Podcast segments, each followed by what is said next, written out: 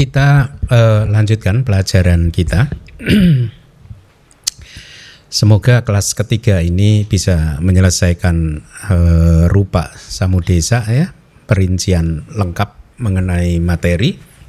Tapi sebelum kita bahas uh, materi kelas ini, saya ingin uh, menyampaikan apa yang ditanyakan oleh Aling uh, minggu kapan ya lalu atau minggu yang pertama tentang jiwitindria rupa itu ya saya tidak menemukan tapi seharusnya ada menemukan kalimat bahwa uh, yang ada jiwitindria itu yang ada di dalam yang di luar itu tidak atau yang makhluk hidup dan yang non makhluk hidup itu itu pasti jawaban saya sudah benar tapi kurang lengkap ternyata Yang ada jiwit indria hanyalah kama jarupa. Jadi e, materi yang lahir dari kama saja sehingga e, materi yang lahir dari sebab-sebab yang lain, tiga sebab yang lain e, tidak disertai dengan jiwit indria.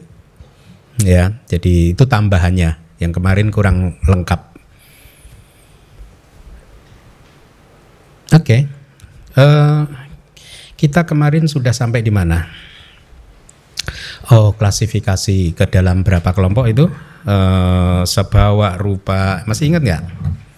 Ada berapa kelompok? Lima atau enam ya? Lima ya. Sebawa rupa terus salakana rupa terus Hah? Nipana rupa terus rupa rupa terus sama sana rupa ya. Jadi 18 materi tersebut eh, bisa di eh, kelompokkan ke dalam lima eh, kelompok tadi.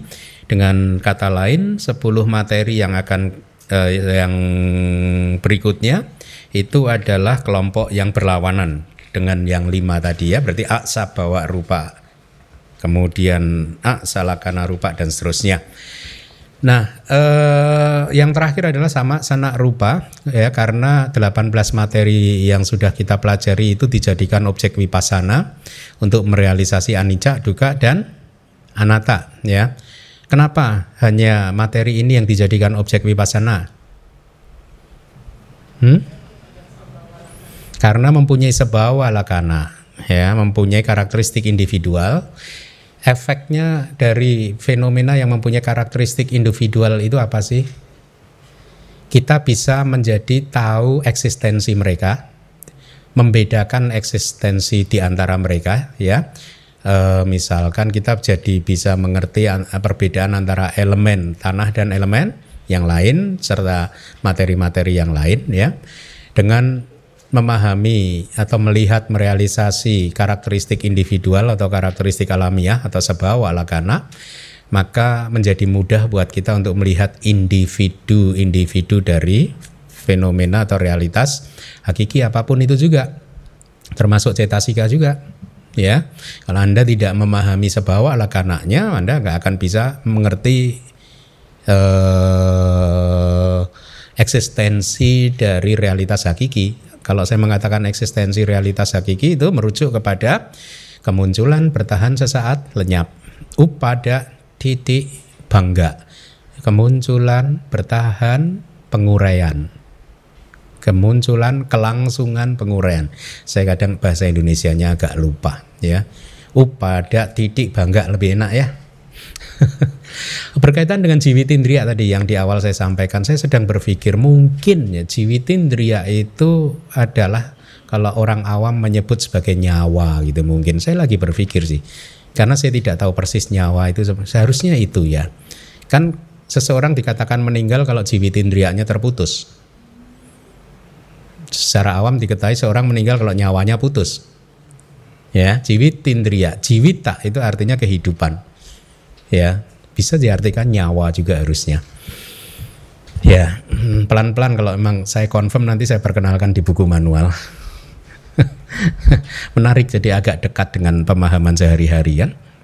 Nah kembali lagi, efek dari memahami sabawa lakana membuat kita bisa mengerti individu realitas hakiki ya. Dengan demikian kita bisa mengerti perbedaan di antara mereka kapan upada didik dan bangganya ya uh, itu yang disebut apa sih uh, sang kata lakana ada tiga ada tiga karakteristik kan kalau kita bermeditasi vipassana ya yang pertama adalah sebawa lakana yaitu karakteristik individual setiap fenomena hakiki, realitas hakiki. Kemudian sang kata lakana, karakteristik dari segala dhamma yang terkondisi, yaitu apa? Upada didi, bangga, muncul kelangsungan dan penguraian. Dan yang terakhir adalah samanya lakana. Apa itu? Karakteristik umum atau universal ya, yaitu anicca, dukkha dan anatta. Itu log logikanya seperti itu.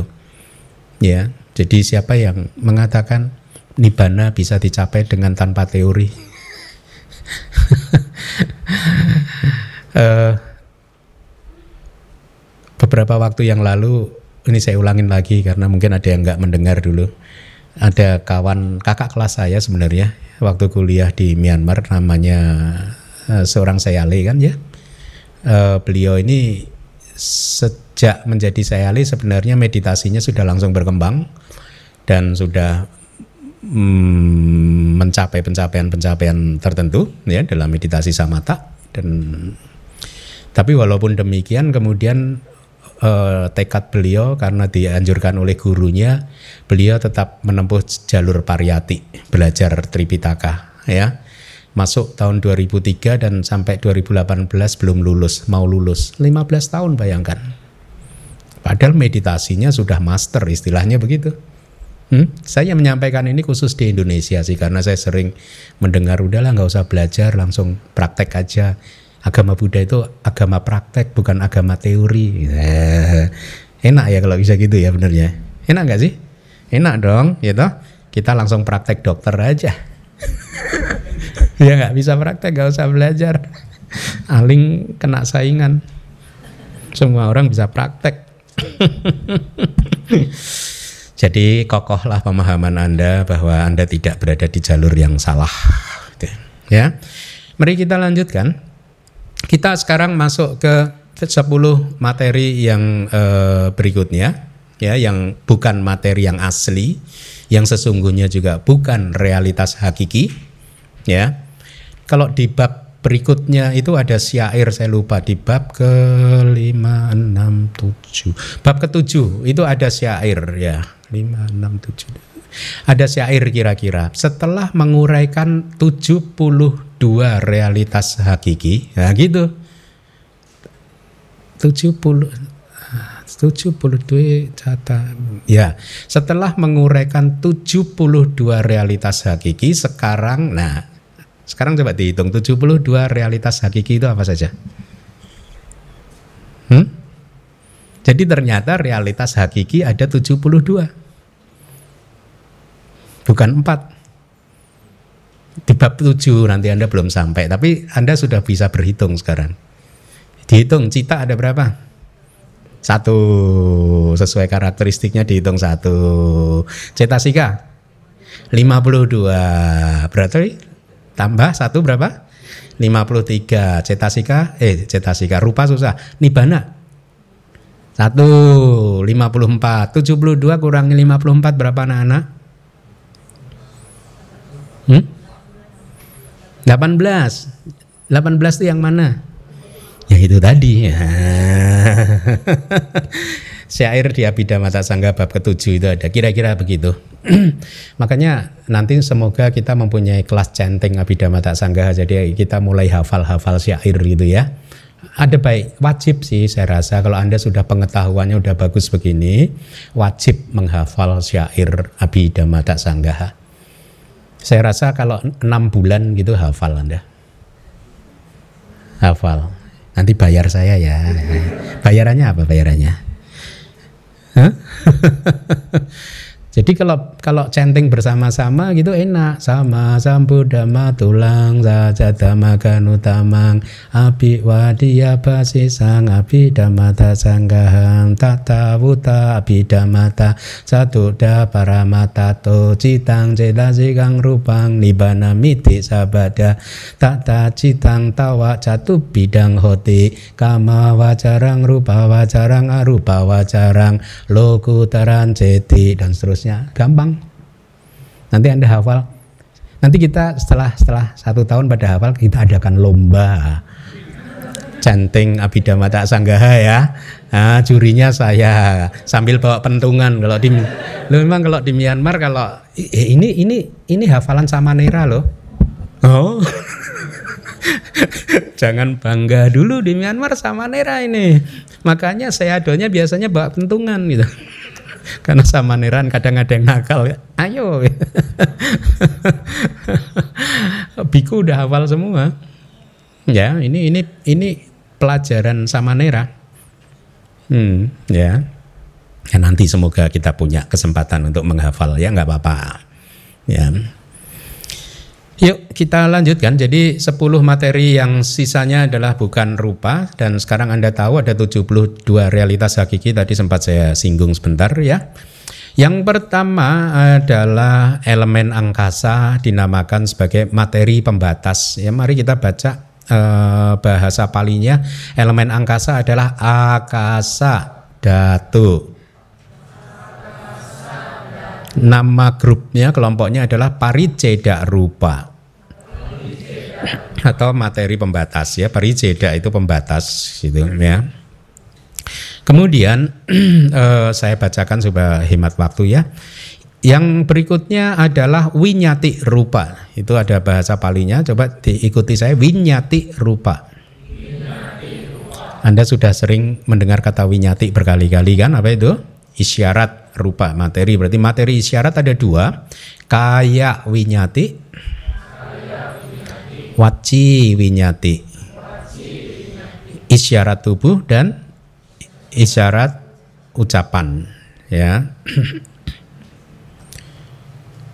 Penjelasannya oleh karena nah ini ini biasa di kitab komentar itu permainan kata-kata untuk menjelaskan itu begitu. Nak kasa titik akaso kan mirip kan? Akasa oh nak kasa. Nah, kasa kasati uh, kasati kasako itu apa?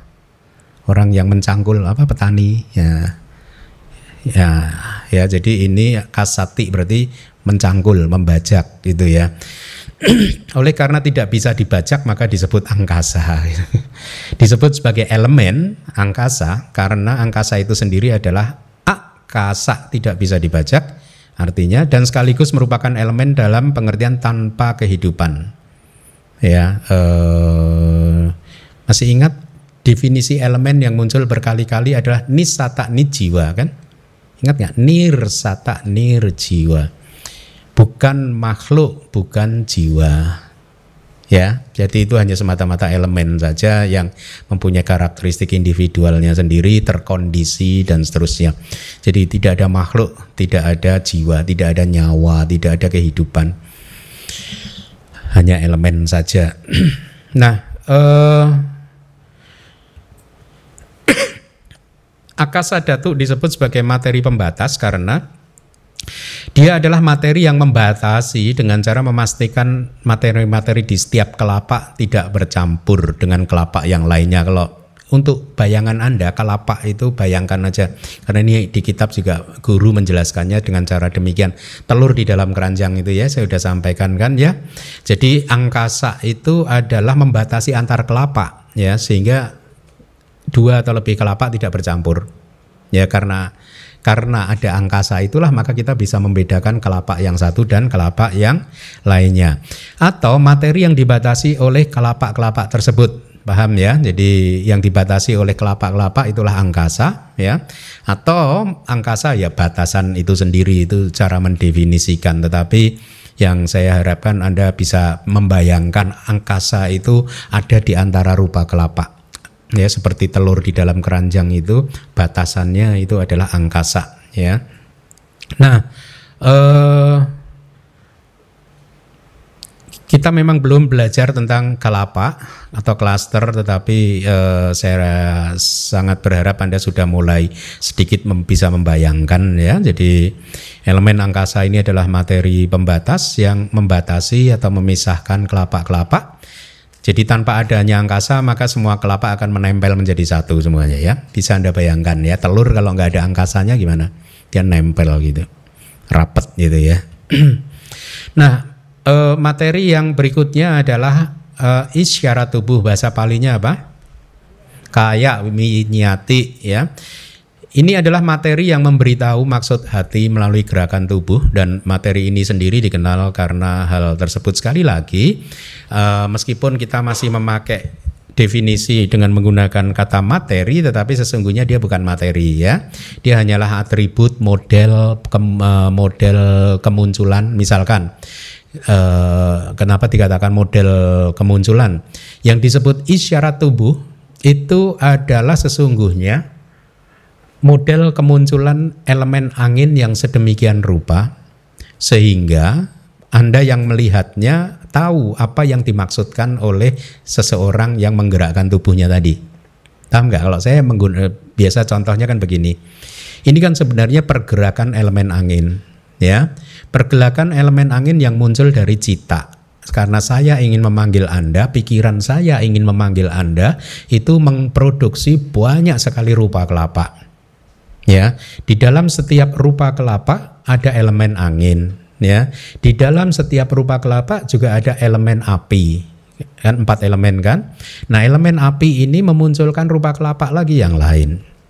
Ya, Nah, padahal usia rupa kelapa sangat singkat. Setiap pikiran tadi yang memproduksi bahwa saya ingin melambai, begitu saya ingin melambai, dia memproduksi uh, uh, pergerak, membuat pergerakan elemen angin dari satu titik ke titik yang lain.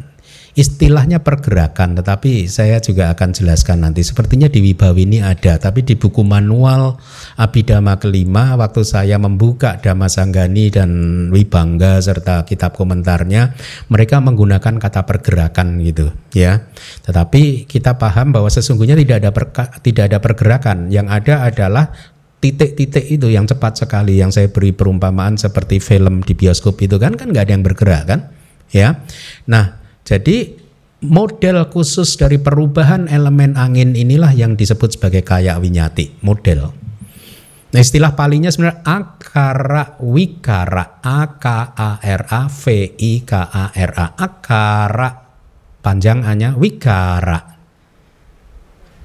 Ya, akara itu ciri khas. Ya, bisa diterjemahkan menjadi ciri atau model, ciri khas Wikara itu perubahan. Jadi ciri khas dari perubahan elemen angin itulah yang disebut isyarat tubuh. Jadi dia bukan materi khusus, dia bukan realitas hakiki, ya paham ya? Dia hanya model perubahan elemen angin yang sedemikian rupa sehingga orang yang melihatnya paham apa yang dimaksud oleh orang yang menggerakkan itu. Itu itu isyarat tubuh, ya. Bukan elemen angin ya, paham ya? Oke. Okay. Karena isyarat tubuh itu para mata dhamma bukan? Bukan, bukan realitas hakiki ya. Yang berikutnya adalah isyarat ucapan ya. E, materi yang memberitahukan maksud hati melalui ucapan yaitu suara yang berasosiasi dengan kesadaran dan materi ini sendiri dikenal karena hal tersebut. Saya rasa nanti ada penjelasannya e, saya kalau saya tidak salah ya. Tapi intinya isyarat ucapan juga bukan para mata dhamma bukan realitas hakiki tidak ada wujud as realitas yang bisa ditembus uh, sabawa lakananya atau samanya lakananya atau tidak mempunyai juga sang kata lakananya ya karakteristik dari sesuatu yang terkondisi dia hanyalah merupakan kembali akara wikara jadi ciri khusus dari perubahan yang terjadi pada saat seseorang berpikir ingin mengucapkan abidama. Pikiran tersebut menghasilkan di sana ada witaka. Nah, witaka ini uh, terjadi mem, difusi, menyebar. Jadi penyebaran witaka yang tersebar sedemikian rupa membentur elemen tanah yang lahir dari karma. Benturan itulah yang kemudian membuat muncul suara abidama. Jadi ini model khusus saja, ciri khusus akara wikara. Ya, ciri khusus dari difusi witaka, difusi penyebaran dari witaka. Ya, witaka itu faktor mental kan, cetasika kan.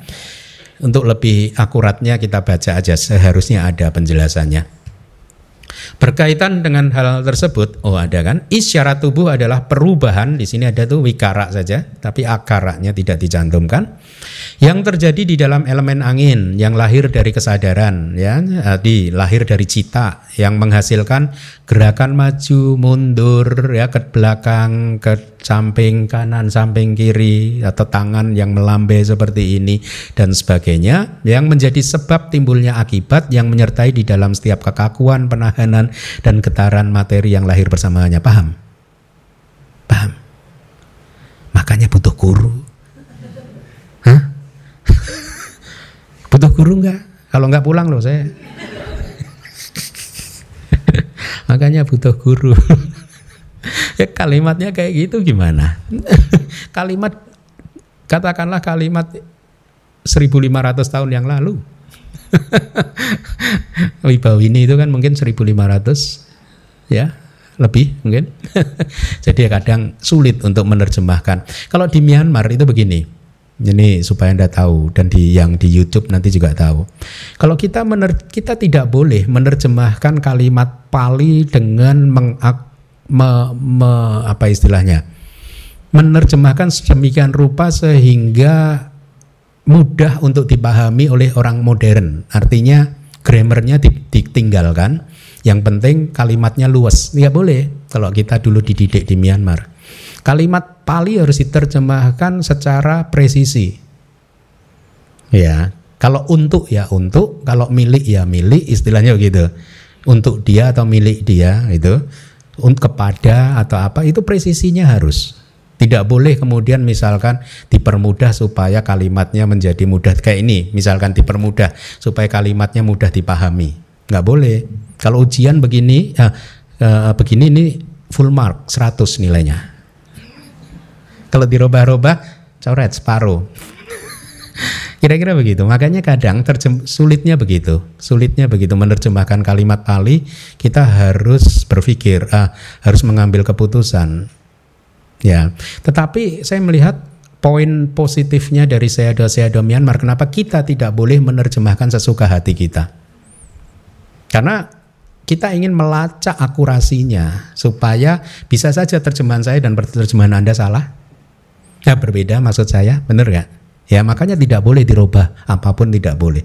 Harus akurat, harus presisi gitu. Gitu. Meskipun terdengar kadang sulit untuk dipahami. Tapi kan ada guru. Ya enggak?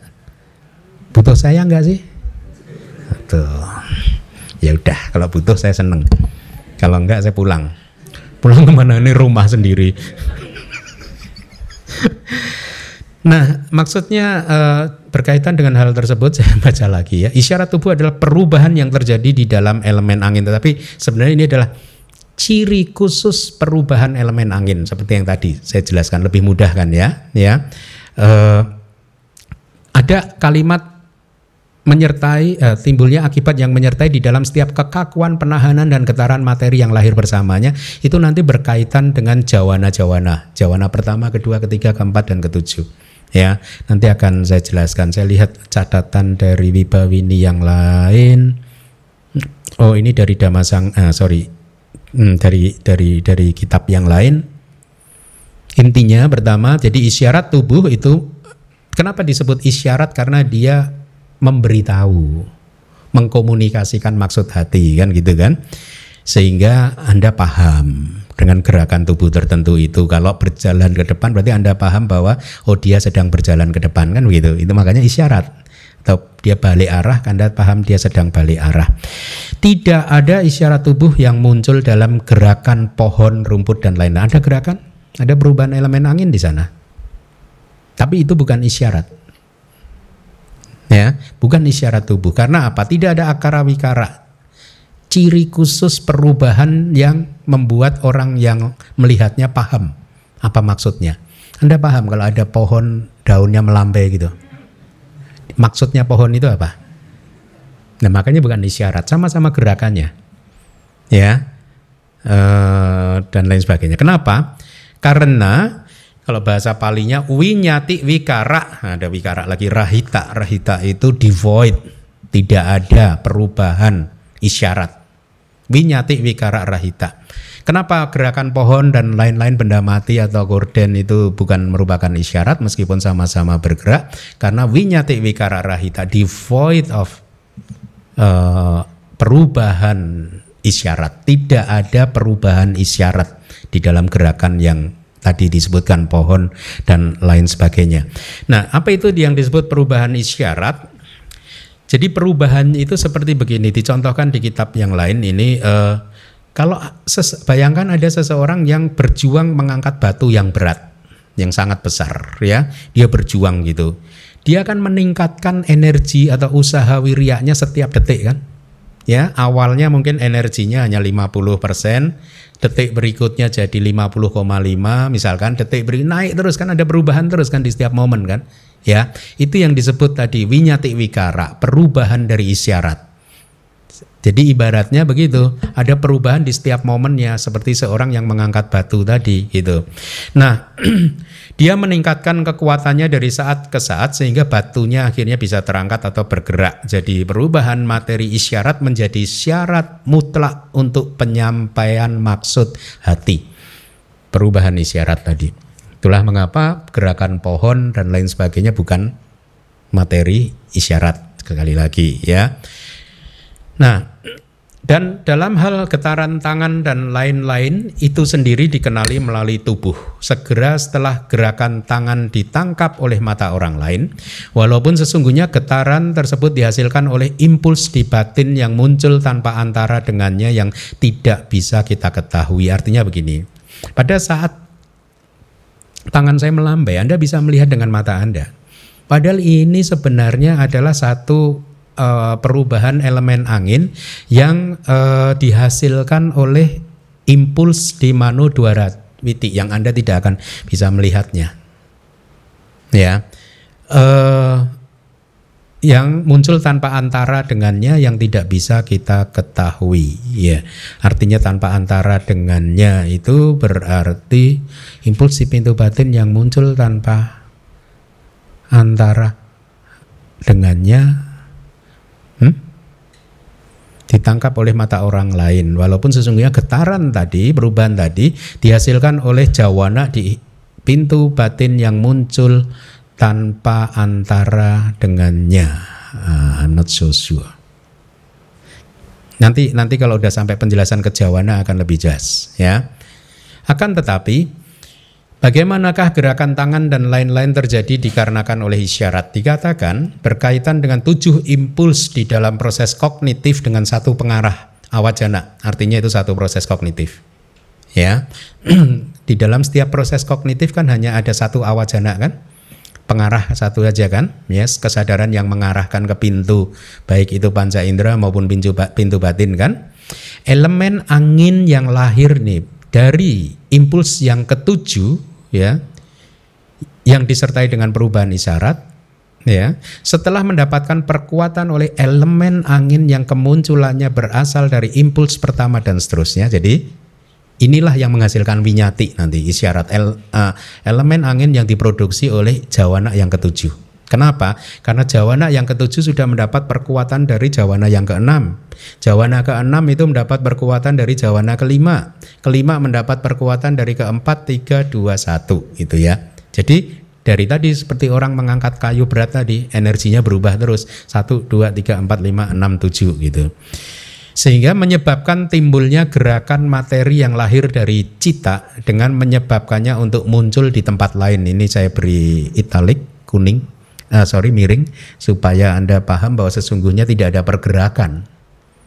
Yang ada adalah kemunculan materi di titik-titik yang berdempetan. Ya lenyap muncul lagi lenyap lagi muncul lagi sehingga kita melihatnya seperti ada gerakan gitu ya. Akan tetapi unsur dasar yang dihasilkan oleh impuls pertama, jawana yang pertama dan seterusnya hanya membuat terjadinya kekakuan dan penahanan semata bertindak sebagai penolong untuk elemen angin yang diproduksi oleh impuls yang ketujuh ya seperti tadi Orang mau mengangkat batu yang besar, pertama kaku tangannya gitu kan, dan menahan dulu supaya nggak jatuh. Akhirnya tingkatkan energinya, tingkatkan energinya, berpindah. Ya, logikanya seperti itu. Ya.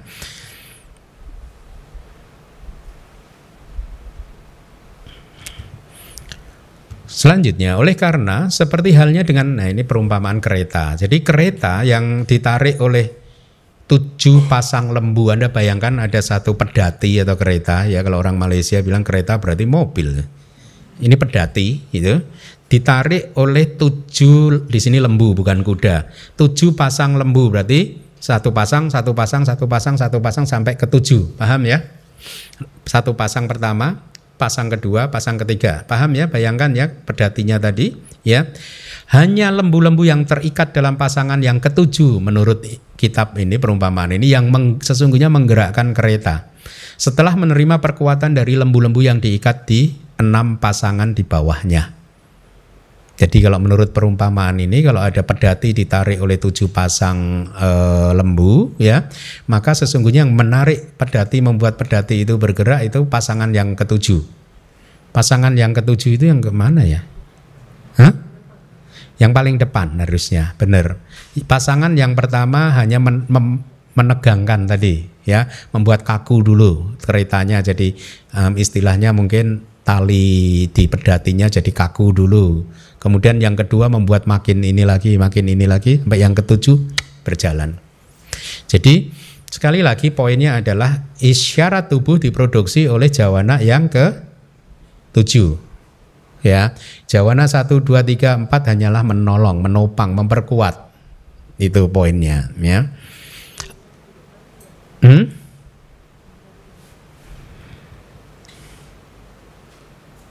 Mana nih?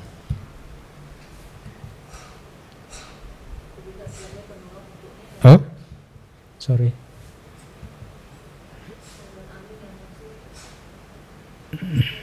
Lagi, satu lagi.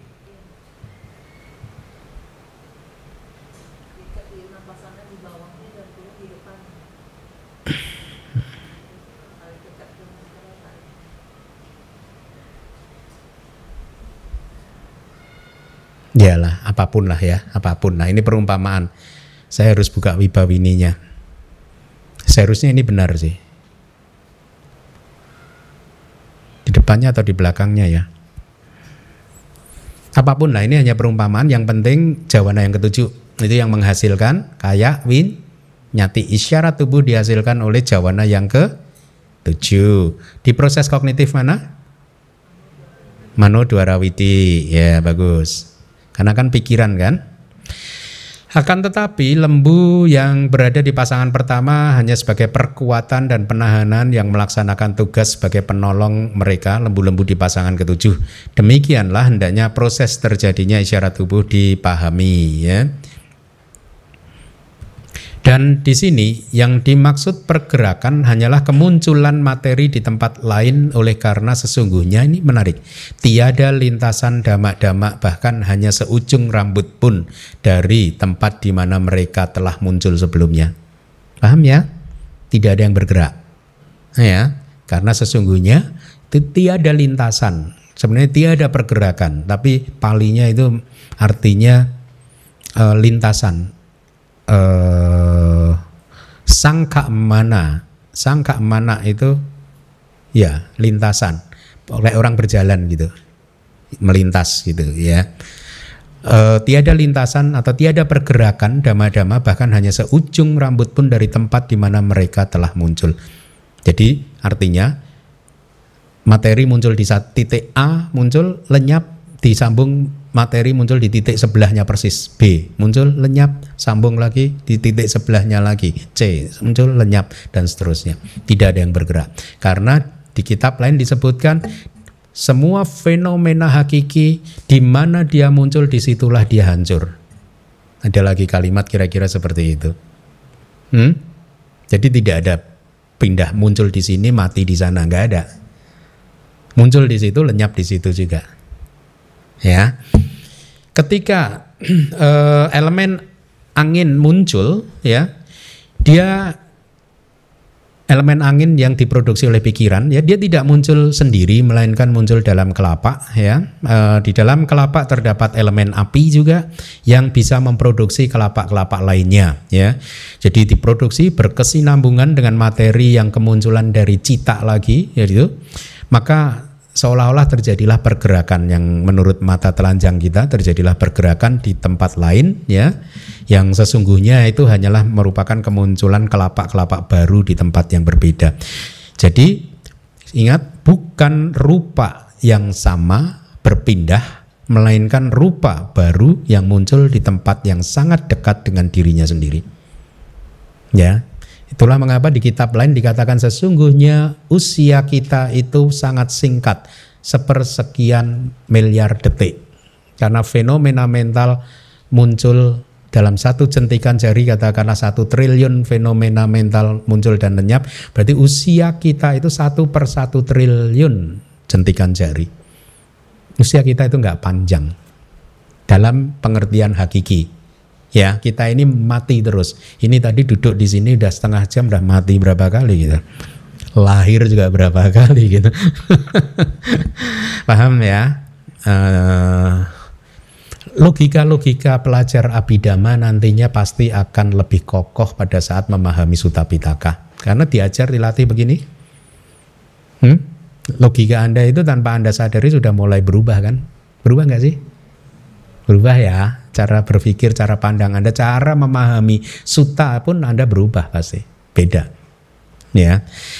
Kita lanjutkan. Di sini ketika materi yang lahir dari cita kesadaran bergerak itu saya beri tanda kutip ya. Materi tersebut bergerak bersama dengan materi lain yang terikat dengannya juga ya, ya. Jadi sebenarnya tidak hanya satu satu kelompok rupa kelapa saja, rupa kelapa yang lain juga seperti itu kejadiannya muncul hancur di situ, muncul di tempat yang berdempetan hancur lagi di situ dan seterusnya. Seperti gumpalan kotoran sapi kering yang dibuang ke sungai. Jadi kat apa? ikut semuanya, mengalir semuanya. Jadi elemen angin yang kemunculannya berasal dari impuls atau jawana yang pertama dan seterusnya tidak mampu untuk menggerakkan bahkan ketika dia telah terikat pada perubahan isyarat. Tapi dia tidak mampu menggerakkan. Ya, tidak mampu. E, hal ini karena materi ini adalah yang memproduksi perubahan ke tempat seperti yang diinginkan. Ya, jadi dia hanya hanya memproduksi eh, mendukung kemunculan materi yang diproduksi oleh jawana yang ketujuh itu maksudnya. Jadi kira-kira begitu ya. Eh, sekali lagi poinnya adalah isyarat tubuh diproduksi oleh jawana yang ke 7. Jawana 1 2 3 4 sampai 6 hanya memperkuat, menopang, menolong ya, membuat kaku tubuh tapi yang membuat bergeraknya itu jawana yang ketujuh. Kita masuk isyarat yang berikutnya yaitu isyarat ucapan agak sedikit berbeda. Isyarat ucapan adalah satu perubahan yang terjadi di elemen tanah yang kemunculannya berasal dari cita yang menjadi kondisi untuk terjadinya benturan dengan materi-materi yang digenggam di tempat kemunculan aksara atau suku kata. Uh, yang saya miring apa italik itu materi yang digenggam. Anda akan mulai sering ketemu istilah ini. Upadinaka rupa, materi yang digenggam. Artinya adalah materi-materi yang lahir dari karma. Ya materi yang digenggam adalah materi yang lahir dari kama ya, bukan materi yang lahir dari sebab yang lain ya. Jadi di sini disebutkan bahwa isyarat ucapan adalah perubahan yang terjadi di elemen tanah yang kemunculannya berasal dari cita yang membentur materi yang digenggam gitu ya. Penjelasan lainnya mirip uh, ya sama dengan tadi kayak winyati peru, uh, maksudnya uh, perubahannya ya akara wikaranya yaitu ciri khusus perubahannya. Apabila kayak winyati atau isyarat tubuh dipahami sebagai tubuh yang bergerak maka waci winyati atau isyarat ucapan dipahami sebagai suara yang terdengar oleh kita ya. Dan karena di isyarat ucapan tidak terjadi kekakuan penahanan dan lain-lain, maka tidak berlaku penjelasan tentang jawana yang ketujuh. tidak relevan di sini. Ya, artinya diproduksi oleh semua jawana karena suara terjadi sebagai hasil benturan dari elemen tanah dengan materi yang lahir dari kama ya yang terjadi di setiap impuls beda ya di setiap jawana gitu. itu kira-kira nanti sepertinya di buku manual kelima saya uraikan lebih panjang lebar tapi untuk saat ini cukup seperti itu silahkan dibaca lagi Pak PIC tolong Peringanan materi, kelenturan materi, kecekatan materi dan sepasang isyarat dinamakan materi perubahan. Yap, terima kasih. Wikara rupa kelompok nama kelompoknya. Yuk, ikuti saya. Wikara rupa materi perubahan. Ada berapa? Hmm? Hmm? Lima. Ya. Rupa saklahuta Yuk ikuti saya, rupa lahuta. Sebenarnya ini artinya adalah peringanannya. Hmm? Peringanannya materi. Ini salah saya berarti. Harusnya peringanannya materi. Peringanannya, ini Pali itu kayak gitu. Tapi biasanya saya mudahkan begitu aja peringanan materi karena rupa sa itu artinya miliknya rupa. Jadi lahuta itu lightness, peringanan. Peringanan yang menjadi miliknya rupa. Artinya ya peringanannya rupa. Artinya ini ini rupa yang ringan gitu. Tapi pali itu caranya kayak gitu itu. Hah? Kalau diterjemahkan secara harfiah rupa saklahuta adalah peringanan miliknya rupa. Hah? Makanya kadang-kadang gitu. Uh, karena ini adalah bahasa 1500 2000 tahun yang lalu kan. Ya. Kalau sekarang ya cukup peringanan materi atau peringanannya materi. Tapi yang jadi aneh ya. Hah? Hah? Aneh ya? Tapi benar peringanannya materi. Peringanan milik materi. Ya, tapi dengan diberi strip begitu aja udah benar juga ya. Peringanan materi gitu aja ya. Yuk ikuti saya. Rupa sa'lahuta peringanannya materi atau peringanan materi. Rupa sak muduta. Peringanan eh sorry kelenturan materi. Sebenarnya ini kelenturannya materi, ya. Rupa sak kamanyata. Kecekatannya materi atau kecekatan materi. Winyati dua ya sepasang winyati yaitu isyarat tubuh dan isyarat ucapan berarti wikara rupa atau materi perubahan ada berapa?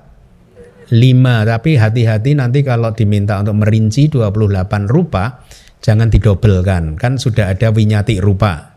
Tadi kelompok yang berikutnya kan. Jadi winyati rupa masuk kelompok sendiri tapi di wikara rupa winyati masuk lagi. Mirip dengan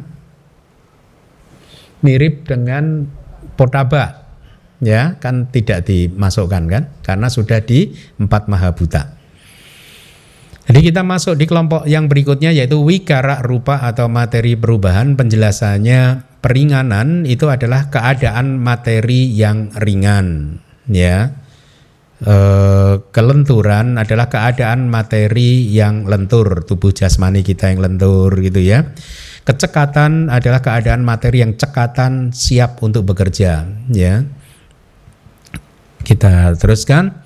Hal tersebut hendaknya dipahami berturut-turut sebagai berikut. Keadaan materi yang tidak berat seperti pada saat seseorang sehat ya, itu adalah eh, lahuta, berupa lahuta yaitu keringanan, peringanan materi ya atau tiadanya keadaan kasar keras seperti kulit yang telah digosok dengan baik ya itu adalah apa muduta ya yang kama nyata rupa sakama nyata adalah keadaan tubuh yang menyenangkan untuk beraktivitas seperti emas yang sudah dimurnikan dibak atau dibakar dengan baik saya rasa ada penjelasan tambahan mungkin di slide berikutnya jadi tiga jenis materi ini sesungguhnya tidak terpisah satu dan lainnya. tidak terpisah. Selalu muncul bersama. Rupa sak lahuta, rupa sak muduta, rupa sak kamanyata itu tidak terpisah. Ya. Perbedaan di antara mereka sesungguhnya terjadi hanyalah karena perbedaan variasi, variasi perubahan kualitas saja. Ya.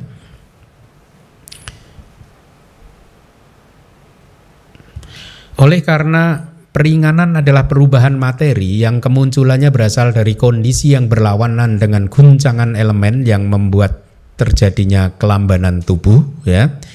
E, jadi kalau Anda sedang berada di daerah yang iklimnya cocok ya, kalau di di di di kitab itu cuacanya cocok gitu, sedang bagus, sejuk ya anda merasakan tubuh Anda nyaman nggak, ringan gitu ya? Ya kira-kira seperti itu ya.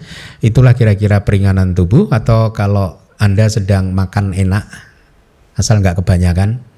Kalau makan enak itu ya, sehat lagi tubuhnya jadi terasa nyaman dan ringan ya. Tapi sesungguhnya lebih mudah diketahui kalau Anda mencapai samadhi.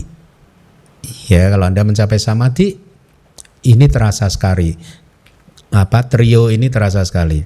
Rupasa lahuta, muduta dan kamanyata ya. Bagaimana tubuh Anda terasa sangat ringan sekali ya, sangat lentur, sangat lembut ya. E, muduta itu kan tadi lembut seperti kain yang udah digosok kan. Saya ingat waktu waktu masih jadi umat dulu kalau beli dompet itu cari yang lentur kulitnya itu ya. Sekarang gitu nggak sih? Enggak ya. Cuman dulu kayaknya yang lentur itu yang mahal loh. Jadi dom, kain akulitnya itu lentur gitu. gitu. Karena udah disamak istilah bahasa Jawanya, disamak dengan baik. Jadi kulitnya itu jadi ini. Itu yang mahal gitu. Nah, jadi kalau Anda bermeditasi terasa sekali bagaimana tubuh Anda menjadi ringan ya, jadi juga uh, lembut, lentur dan Anda jadi apa sih uh, lincah ya, sigap ya. Ya, tidak ada rasa berat mau ke sana mau ke sini gitu. Anda seolah-olah memang siap untuk diajak ke mana pun gitu. Itu terasa sekali kan ya. Makanya nanti ikut retret akhir tahun supaya bisa merasakan ini ya. Segar bugar yaitu efek dari seseorang yang telah mencapai ya, samadhi selalu segar bugar ya.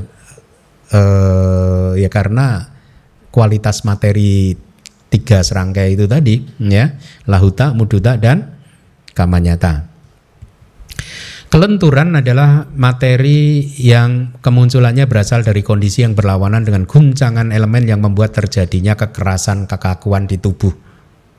Ya, eh, tadi contohnya seperti kulit yang sudah digosok dengan sempurna, sudah diproses dengan baik hingga akhirnya menjadi lentur gitu. Ya, kemudian Kecekatan adalah materi yang kemunculannya berasal dari kondisi yang berlawanan dengan guncangan elemen yang membuat terjadinya ketidaksiapan tubuh untuk bekerja.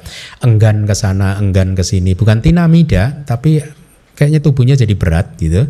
Tidak siap untuk diajak ke sana ke sini gitu, ya. Jadi berbeda. E, kalau Anda retret, Anda lincah nggak sih? Nggak ada yang jawab. Setelah hari ketiga empat harusnya lincah kan? Nah, udah istilahnya udah mulai dapet nih gitu.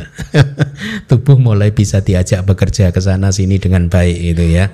Ibarat emas yang telah dimurnikan gitu. Jadi katanya emas kalau murni lentur ya, lembek itu ya, sehingga mudah untuk dibentuk menjadi perhiasan yang men, mm, yang disukai dengan harusnya ditambah campuran lain kan ya. Ya. Jadi emas yang murni ini bisa dibentuk untuk apa saja itu perumpamaannya. Ya, kalau tadi muduta adalah kulit ya yang sudah digosok dengan baik.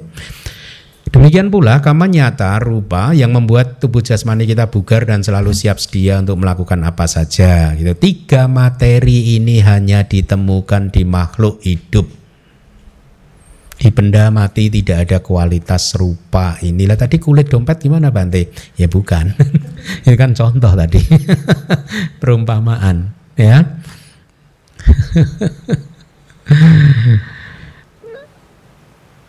Sekali lagi ada berapa wikara rupa? lima, tapi sebenarnya dua winyati sudah juga masuk di kelompok yang sebelumnya. Jadi kalau di rinci Anda harus hati-hati di situ. Kemudian, nah ini sudah saya ganti, makanya tadi berarti saya lupa belum mengganti. Lihat, coba dibaca. Produksinya materi, kelangsungannya materi, kelapukannya materi, dan ketidakkekalannya materi dinamakan materi karakteristik. Nah sekarang kita masuk ke kelompok yang berikutnya yaitu lakana rupa. Ikuti saya. Ada kan di situ. Jadi materi karakteristik ada empat.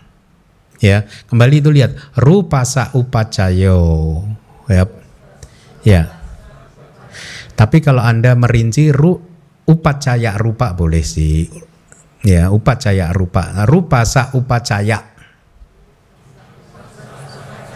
Ya, jadi itu adalah produksi materi. Nanti produksi nanti akan menjadi jelas miliknya materi, produksinya materi. Yang berikutnya rupa sa santati. Kelangsungan materi atau kelangsungannya materi. Rupa sak ta. Kelapukannya materi atau kelapukan materi ya. Rupa sak anicata uh, apa itu? Ketidakkekalannya materi ya. Anda lihat anicata ya bedanya dengan anicca apa anicca adalah kata benda apa artinya tidak arti harfiahnya tidak kekal. Kalau ditambah tak ini jadi kata benda abstrak, ketidakkekalan. Ya. Anda tahu itu ada jarata? Jarata, ada tanya lagi kan? Jara itu apa? Lapuk. Tua. Jarata berarti ketuaan. Kelapukan. Nah, abstrak jadi tambah ke dan an gitu. Itu artinya bawa bawa itu adalah menjelaskan kondisi, menjelaskan sifat atau keadaan, menjelaskan keadaan ditambah ta gitu. Bawa di grammar di Pali tata bahasa. Jarata anicata beda dengan jara, jara dan anicca beda ya. Nah jadi materi karakteristik ada empat yaitu uh, upacaya santati jarata anicata ya kita ini adalah harusnya kelompok rupa yang terakhir ya ya uh, kita lihat penjelasannya palinya udah ya yang disebut produksi upacaya itu proses mengakumulasi nanti akan saya jelaskan Kemudian yang disebut kelangsungan adalah rangkaian, artinya adalah kesinambungan proses. Ya, nanti akan saya jelaskan perbedaannya. Berkaitan dengan hal tersebut, sejak pati sandi hingga kemunculan kesepuluhan mata, saya masih menggunakan istilah ini kesepuluhan mata sebelum kita sepakat memakai deket, dekat, dekat mata. Ya, ini kan sebenarnya dari kata dasaka. Dasaka itu beda sama dasa yang di grup Abhidhamma sudah saya sampaikan kan. Kita tidak bisa memakai kelompok 10 nggak bisa. Karena 10 itu dasa. Dasaka itu beda dengan dasa. Ya. Dasaka itu adalah ciri sesuatu yang anggotanya 10 itu jadi makanya untuk sementara kesepuluhan karena ini merujuk pada kesebelasan sepak bola kan itu tim isinya 11 kan kesebelasan. Jadi kesepuluhan sebenarnya memenuhi syarat sih. Tetapi kemarin di grup Abidama kan kita sedang diskusi dengan nanti untuk biar keren bukunya biar yang nulis semangat kan pakai istilah Yunani eh itu istilah apa ya? Deket nonet Latin Latin ya. Kemudian oktet gitu nah, dan seterusnya ya. Untuk sementara kita ini kan. Jadi Sejak kemunculan pati sandi itu kan menghasilkan materi kan. Ya, Anda ingat ya, hingga kemunculan kesepuluhan mata dan kesepuluhan telinga dan pasada yang lain. Jadi kemunculan materi di sepanjang waktu tadi dinamakan produksi. Ini bedanya. Ya. Upacaya itu produksi atau akumulasi. Artinya proses mengakumulasi materi di awal-awal kehidupan gitu ya. Seperti yang Anda ketahui, ketika Pati Sandi Cita muncul, dia tidak muncul sendiri tetapi disertai dengan berapa rupa? 30 rupa. Ya, atau tiga rupa kelapa, tiga dasaka kelapa, ya, 30 rupa. Semua 30 rupa atau tiga kelapa ini lahir dari karma. Ya, semuanya muncul itu lahir dari karma masa lalu yang masak. Ya, yaitu kaya dasaka, bawa dasaka dan watu dasaka. Kesepuluhan tubuh yang menjadi embrio tubuh kita bawa embrio uh, awal mula terbentuknya jenis kelamin kita, kemudian jantung kita, ya. Itu sudah muncul sejak bersama dengan kemunculan padi sandi, ya. Jadi ini pun adalah yang disebut rupa saupacaya, masih produksi, ya. Di setiap sub momen ke minggu lalu sudah saya sampaikan itu setiap sub momen sejak kemunculan Patisan Cita kan juga menghasilkan kelapa-kelapa juga kan? Ya. Dia menghasilkan kelapa yang lahir dari kama. Semua rupa kelapa yang lahir dari kama diproduksi di setiap sub momen. Semua rupa kelapa yang lahir dari cita diproduksi hanya di momen kemunculan upada dari cita. Dia memproduksi cita jarupa atau materi yang lahir dari cita. Jadi beda ya. Tapi itu pun dimulai dari bawangga yang pertama karena pati sandi cita tidak memproduksi cita jarupa. Pati sandi cita tidak memproduksi materi yang lahir dari cita. Pati sandi cita hanya muncul bersama dengan kama jarupa. Yaitu rupa yang lahir dari kama. Nah, di setiap sub momen muncul terus materi yang lahir dari kama hingga kemunculan tadi disebutkan kesepuluhan mata dan lain-lain artinya caku pasada sota pasada dan pasada rupa yang lain di kitab komentar disebutkan nggak tahu benar atau enggak ini dokter yang bisa mengkonfirmasi kemunculan dari pasada rupa itu terjadi pada minggu ke-11 hmm? Ya, nah gitu ya. Mungkin ada bedanya. Kalau di kitab kira-kira di minggu ke-11 gitu kayak. Ya. Nah, jadi sampai eh, kemunculan, momen kemunculan dari pesada yang pertama itu katakanlah di minggu ke-7 atau ke-11 ya, ke-11 itulah rupasa upacaya atau upacaya rupa upacaya rupa juga boleh. Jadi materi yang merupakan produksi, ya produksi materi. Kemudian rupa yang lahir setelah kemunculan pasada rupa tadi itu adalah rupa santati.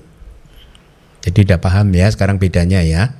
Jadi sejak minggu 11 katakanlah sejak minggu ke-11 setiap sub momen kan memproduksi rupa terus kan yang lahir dari kama hingga 17 momen kesadaran sebelum cuti cita itu semuanya disebut rupa santati. Kenapa harus berhenti dihitung sejak 17 momen kesadaran sebelum cuti cita?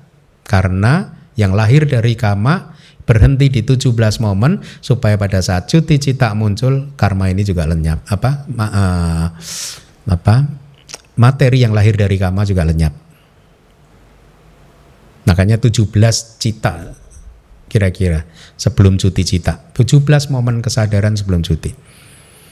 Paham ya? Jadi rupasa upacaya adalah semua materi yang muncul bersama dengan kemunculan patik sandi hingga kemunculan pasada rupa. Cakup uh, Eh, caku dasaka, sota dasaka dan seterusnya. Setelah itu hingga 17 momen kesadaran sebelum cuti cita adalah rupa san tati. Tapi di kitab juga dijelaskan penjelasan seperti ini hanya berlaku untuk manusia. Karena untuk dewa beda lagi. Kenapa? Karena dewa pada saat dia lahir, begitu lahir patik sandi muncul langsung gede katanya kalau laki-laki seperti laki-laki yang umur 18 tahun gitu. Perempuan seperti perempuan umur 16 tahun gitu. Jadi lahir langsung bisa pacaran.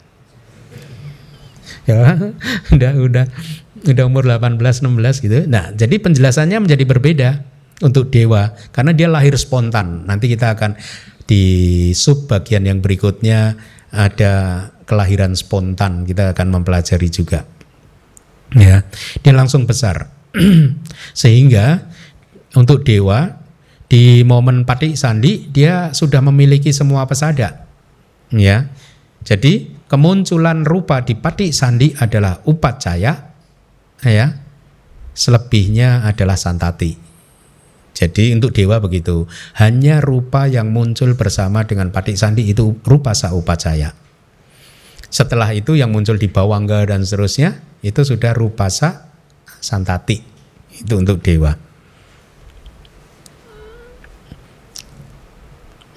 Dengan kata lain, sebenarnya dua karakteristik ini upacaya dan santati, produksi dan kelangsungan itu merujuk kepada sub momen kemunculan rupa.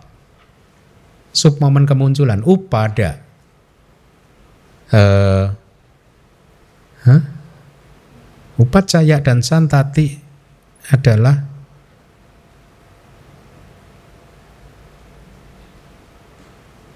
Oh iya, hanya di sub momennya saja, maaf.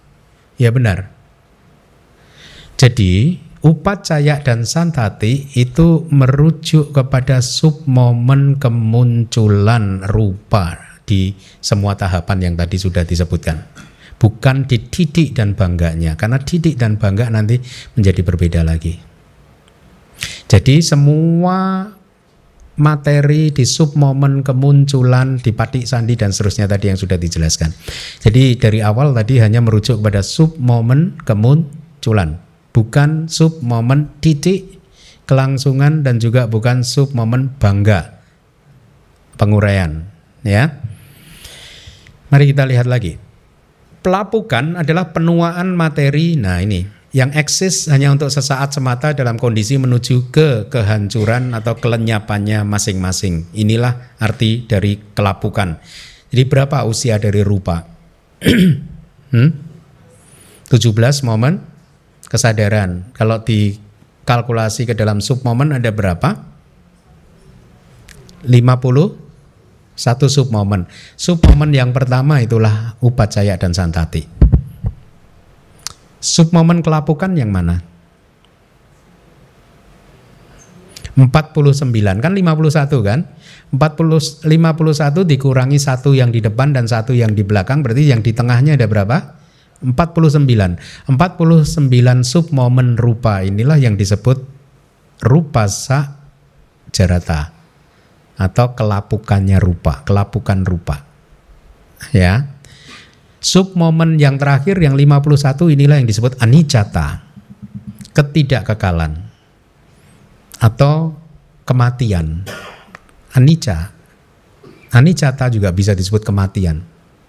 Makanya kalau di di di negara Buddhis kalau ada orang meninggal dunia juga oh anicca anicca anicca mati mati mati. Bisa bisa bisa saling menggantikan artinya. Ya paham ya? Jadi dari 51 sub momen sub momen kemunculan adalah rupa sa upacaya dan rupa sa Hah?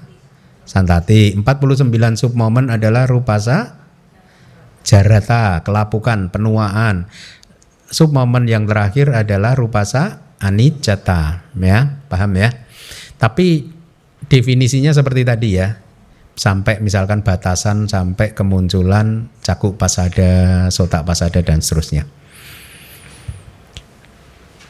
Dhamma dikatakan tidak kekal karena tidak bisa didekati oleh keadaan yang kekal dan stabil. Keadaan seperti itu disebut ketidakkekalan atau kehancuran total dari materi yaitu sub momen yang ke-51 ya itu yang disebut ketidakkekalan dinamakan sebagai materi karakteristik karena keadaannya sebagai sebab diketahuinya karakteristik berbagai dhamma dalam setiap fase.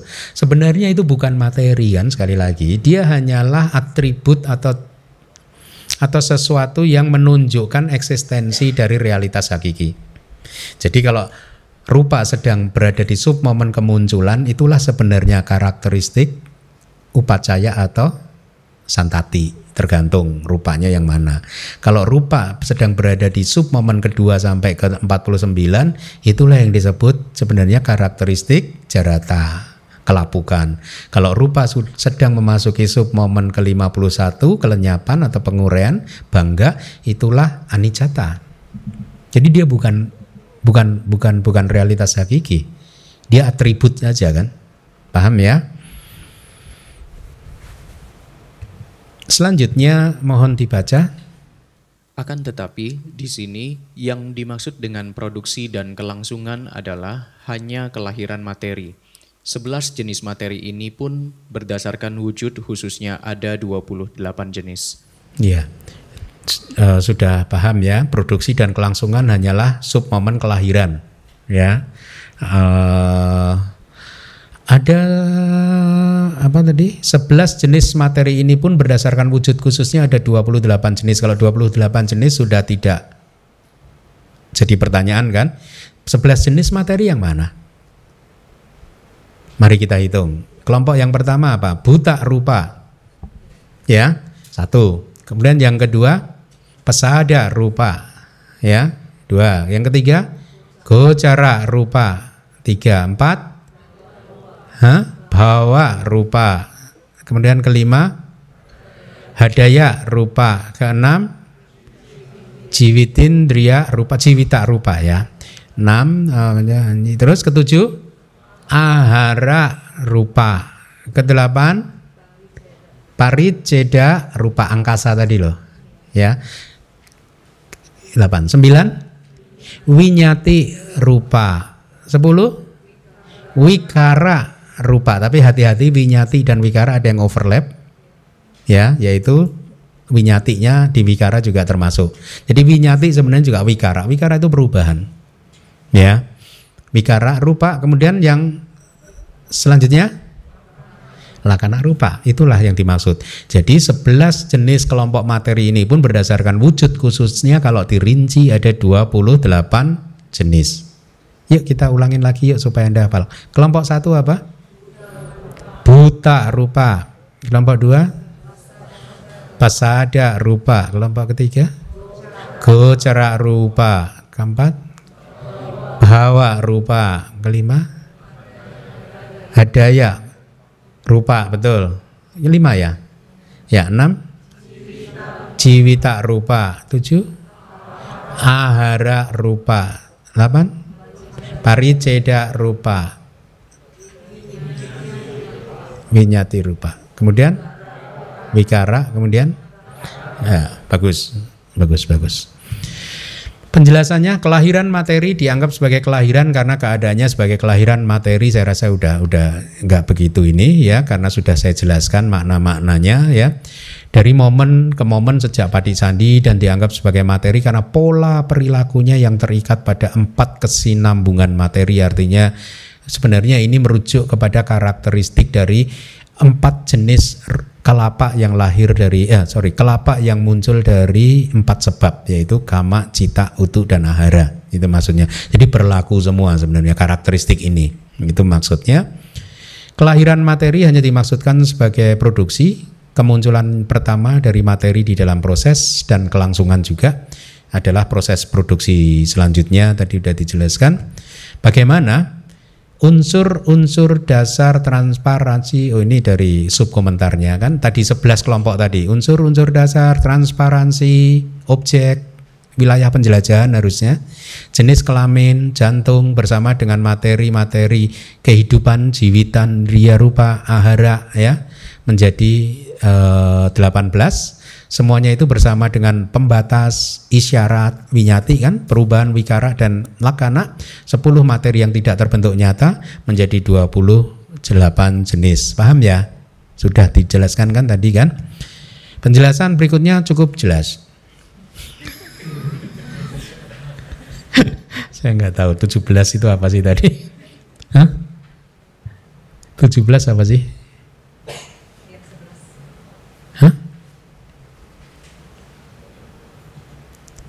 Kok nggak ada syair 17? Ada ya?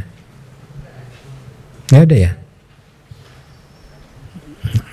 Mungkin karena Ya, saya sudah ini kan. Oke, kita kita selesai berarti eh, apa perincian. Ulangin lagi, 28 rupa apa saja yuk? Buta rupa ada berapa? Empat apa saja? Palinya ya. Apa yang pertama?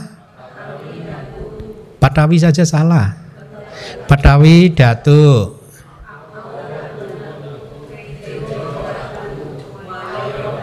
Bagus. Kemudian kelompok kedua? Pasada rupa apa saja?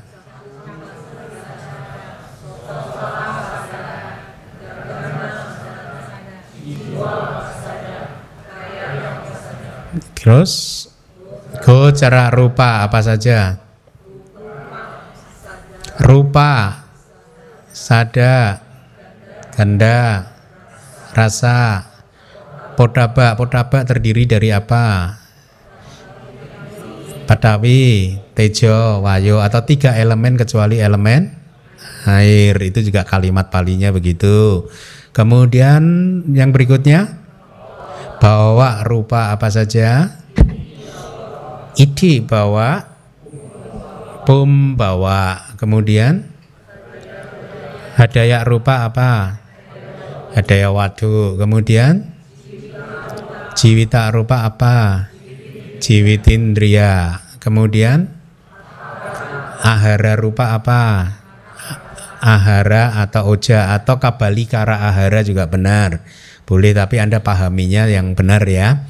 Karena di kitab ternyata di Damasanggani juga kadang disebut kabalikara ahara. Tetapi yang Anda paham e, kalau kita melihat kabalikara itu kita tidak berbicara tentang realitas hakiki ya, tapi nggak salah juga. E, penjelasan Wibawi ini lebih akurat. Ya, penjelasannya Wibawi ini kan sari makanan begitu bertemu dengan lidah bentuk cairan menyebar ke seluruh tubuh itulah oja. Itulah ahara. Ya, bukan kabali kara aharanya. E, ahara rupa adalah ahara atau oja ya. Kemudian Hah? Pariceda apa? akasa. Akasa saja. Datu, akasa datu. Kemudian winyati rupa apa saja? Kayak winyati. Waji winyati. Kemudian wikara rupa apa saja?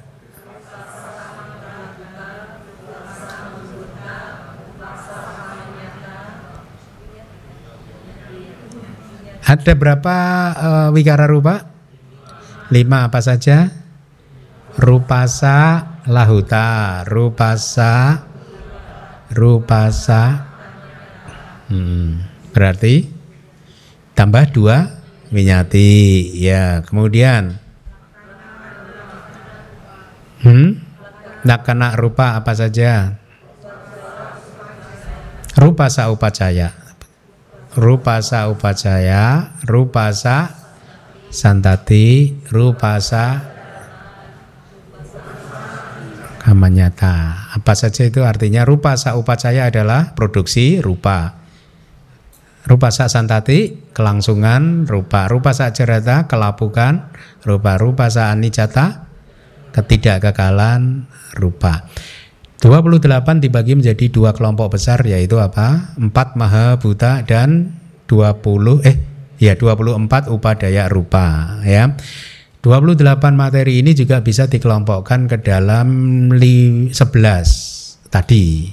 Tapi kalau yang 18 materi bisa dikelompokkan ke dalam 5 kategori. Apa saja? Sabawa, rupa, Terus salakana rupa. Terus nipana rupa. Terus rupa rupa. Terus sama sana rupa. Apa itu sebawa rupa? Karena materi itu mempunyai sebawa. Sebawa itu apa? Karakteristik individual. Masing-masing punya karakteristiknya sendiri. Maksudnya itu. Atau karakteristik alamiah. Sama. Salah kena rupa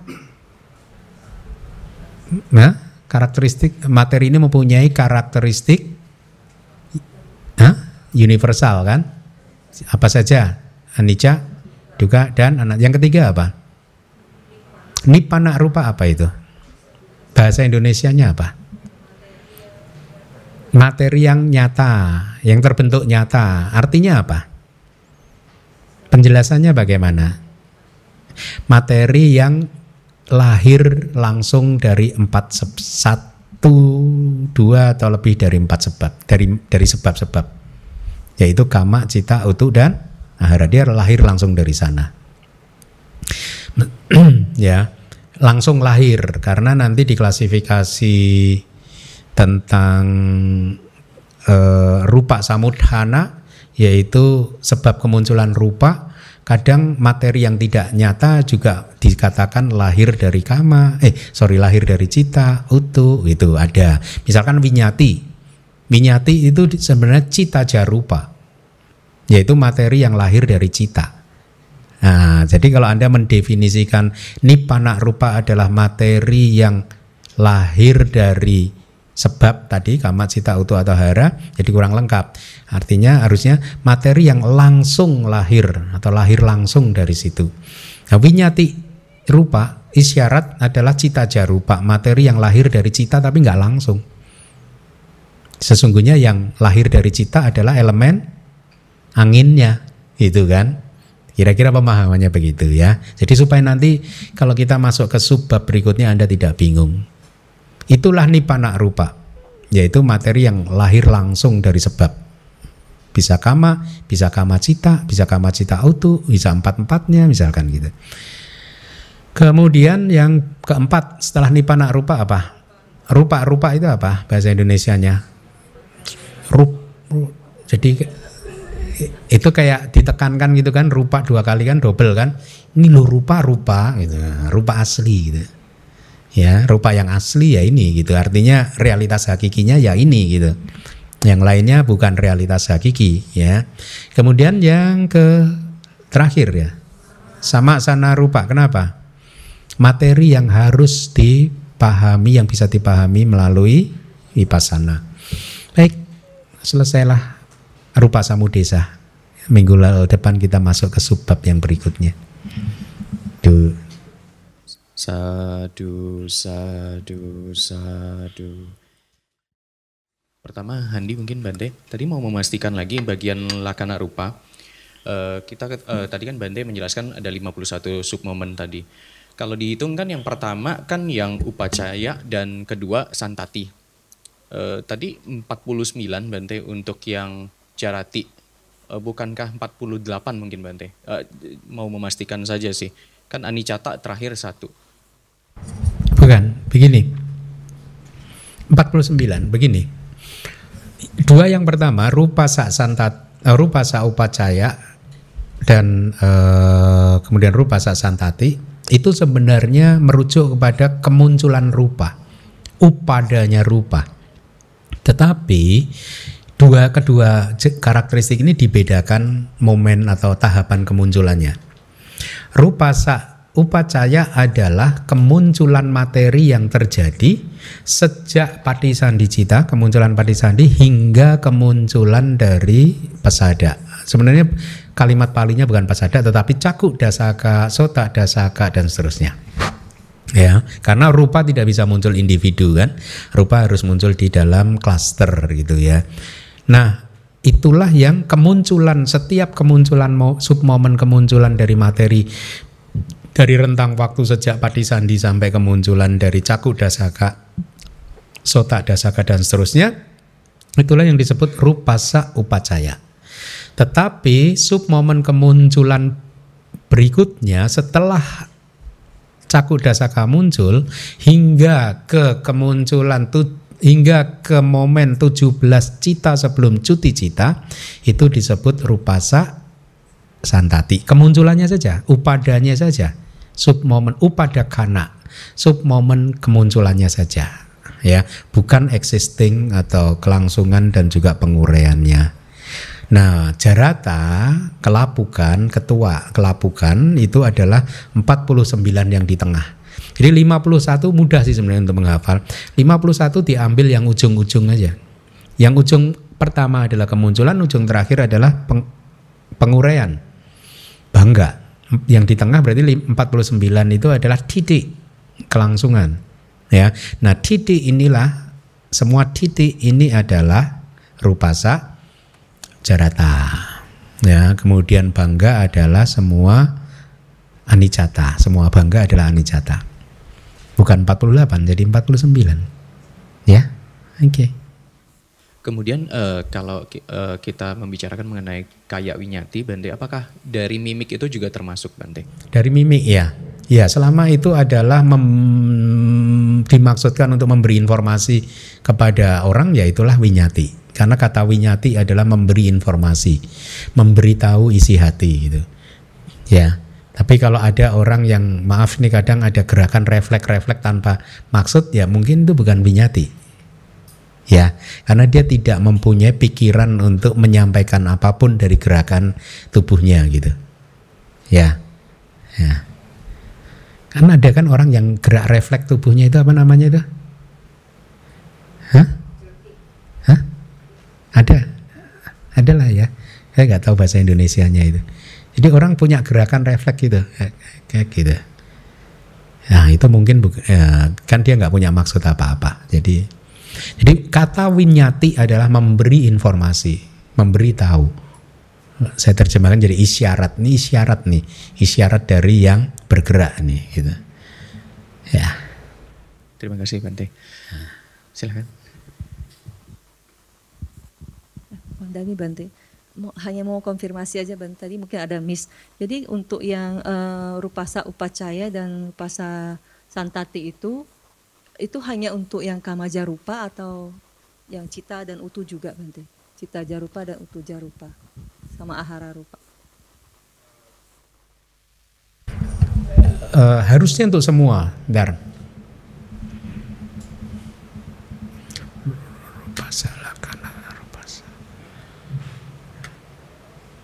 Iya, untuk semuanya. Hmm, tadi diberi contoh hanya untuk kamajarupa. Ya, tadi diberi contoh hanya di kamajarupa.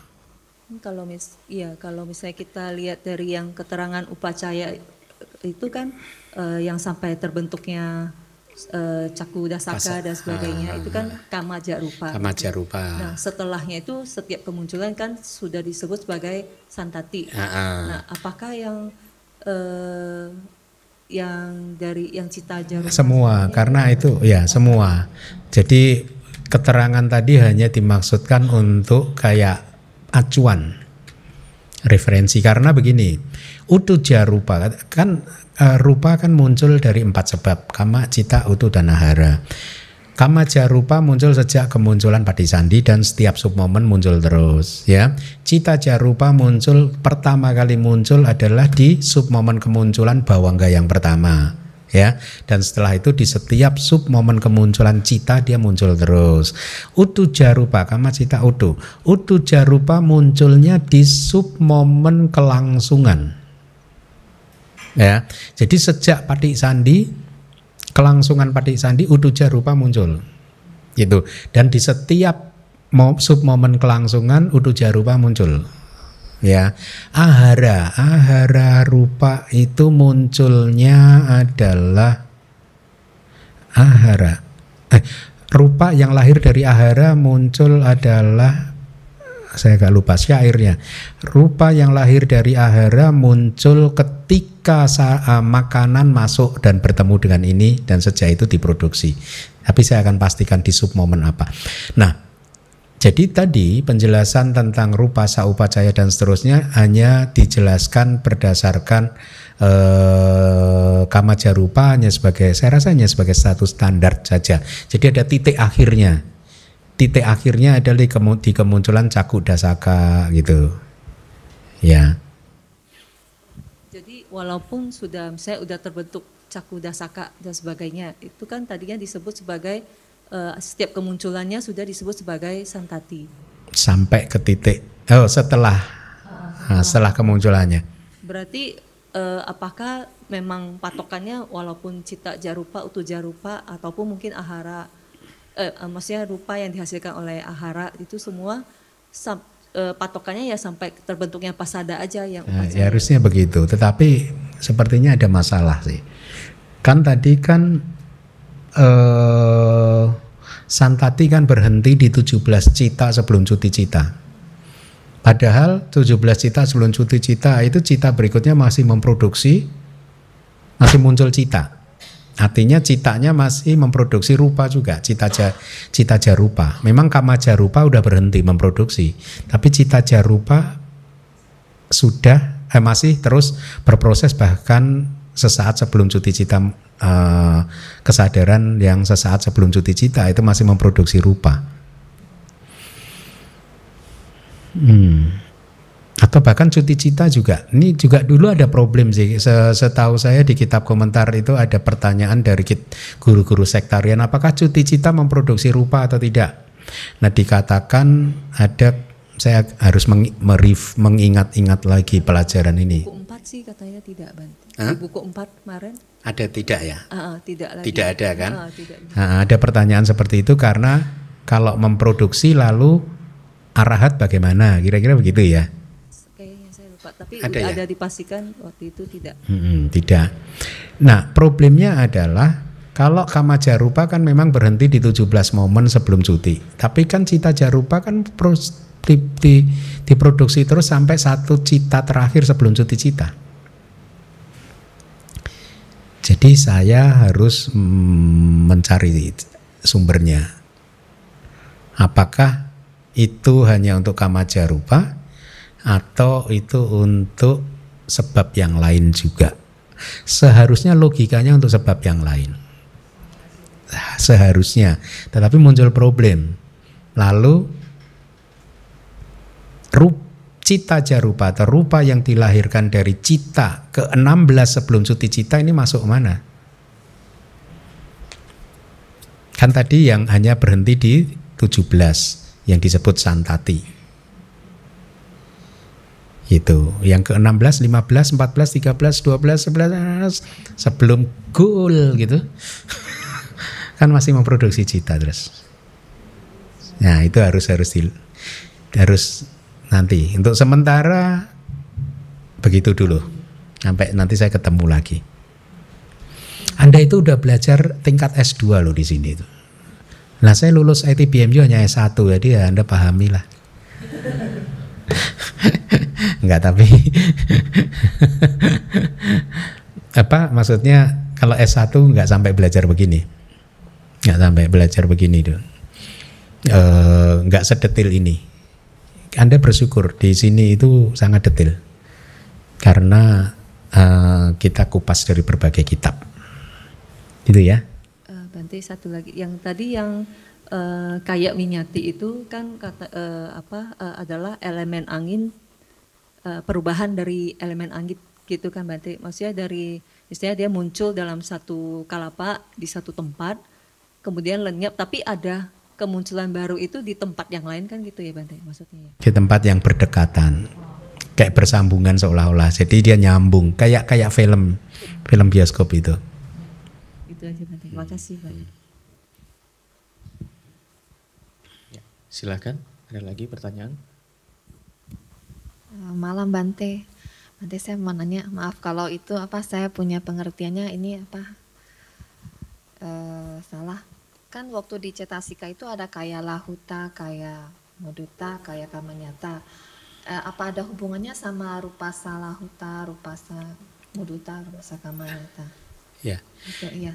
ya Eh, di cetasika ada eh, apa cita lahuta cita eh, yang pertama adalah pak Hah? pagunyata ya Hah? oh sorry Pat, pasadi ya pasadi ya Ya, sebenarnya kalau yang di di di cetasika itu merujuk kepada lebih ke eh, cita dan cetasika. Jadi kalau kaya itu merujuk kepada cetasikanya. Dia misalkan kayak kaya pasadi gitu. Jadi itu ket- apa sih pasadi ketenangan ya. Ketenangan dari cetasikanya gitu. Jadi kaya di sana itu adalah merujuk untuk ke cetasika. Hah? Tidak ada hubungannya dengan ini. Namanya saja beda. Lahuta, muduta, kamanyata di cetasika juga ada. Tetapi sesungguhnya itu merujuk kepada dhamma yang berbeda. Tetapi cirinya sama sih sesuai dengan namanya sih. Kalau di sini adalah lahuta, muduta, kamanyata untuk tubuh jasmani. Kalau di cetasika adalah lahuta, muduta, kamanyata untuk cetasika. Jadi cetasikanya menjadi lembut, eh, ringan dan eh, cekatan gitu. Ya, oke. Bagus, berarti Anda ingat pelajaran bab kedua. Bagus. Masih ada waktu? Ada yang mau bertanya?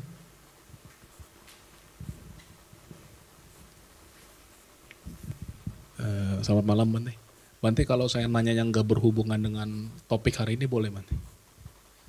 Saya mau nanya eh, pandangan Bante tentang cerita Jataka itu apakah sesuatu yang benar-benar terjadi atau seperti mirip fabel atau bagaimana Bante? Terima kasih. Pendapat pribadi ya. Iya. Sebagian mungkin benar, sebagian. Ya, sebagian adalah memang benar kelahiran kelahiran Pangeran Siddhartha. Eh, tapi sebagian lain mungkin itu pengembangan belakangan. Jadi tambahan tambahan dari guru-guru belakangan. Ini, ini pendapat saya pribadi. Eh, tetapi apa pun demikian, walaupun misalkan itu adalah penambahan dari guru-guru belakangan, saya tidak pernah mempermasalahkan itu. Kenapa? Karena setiap cerita Jataka itu mempunyai pesan moral yang bagus. Setiap cerita. Saya kalau Anda baca Jataka itu pesan moralnya sangat kuat. Artinya memberikan panduan kepada kita tentang bagaimana seharusnya kita itu mengembangkan diri kita. Ya, misalkan kalau kalau uh, tentang kemurahan hati kan disebut misalkan pada saat Bodhisatta lahir sebagai Wesantara itulah pada saat dia sudah memberikan apa yang diminta oleh siapa Brahmana Jujaka atau siapa itu itulah akhir dari praktek pemenuhan parami beliau beliau sudah siap jadi raja pada saat beliau memberikan anak dan istrinya misalkan begitu ya Ten, memahaminya adalah uh, karena kualitas seperti itulah maka wajar saja beliau menjadi Buddha. Karena latihan ototnya beda sama kita. Ya enggak? Kita kan ototnya paling push up gitu ya. Bodhisattva beda. Ototnya dilatih sedemikian rupa gitu. Ya.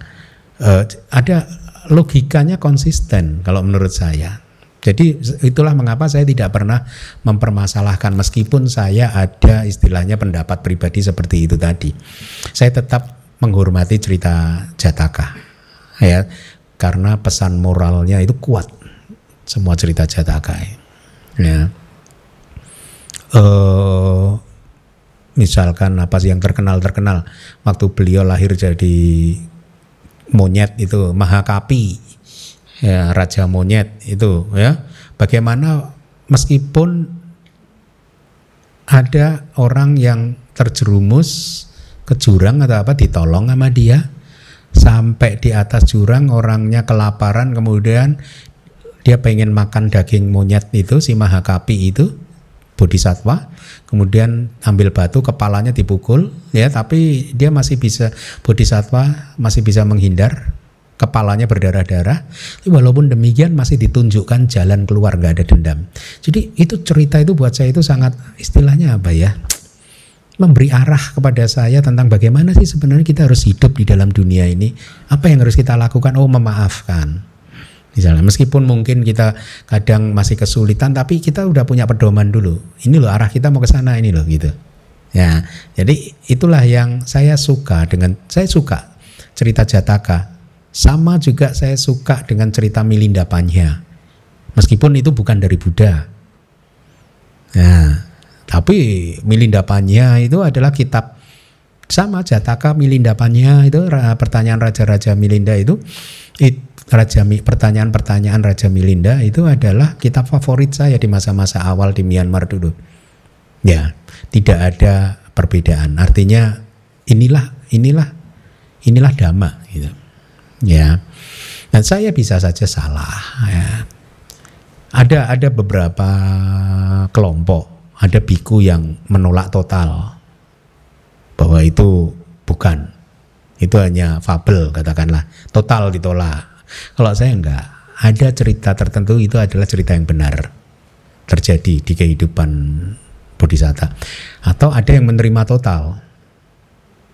Oh itu terjadi benar-benar. Kalau anda bertanya kepada misalkan bantai-bantai Myanmar mungkin rata-rata akan menjawab terima total out of faith. Karena sadanya yang kuat gitu beliau akan menerima misalkan anda tanya ke Bante Wisuda gitu jataka apa saya yakin beliau jawab iya iya gitu karena begitulah memang biku Myanmar itu kuat sadanya itu sedemikian rupa gitu. Tapi saya mencoba sebagai orang Indonesia gitu ya semoga.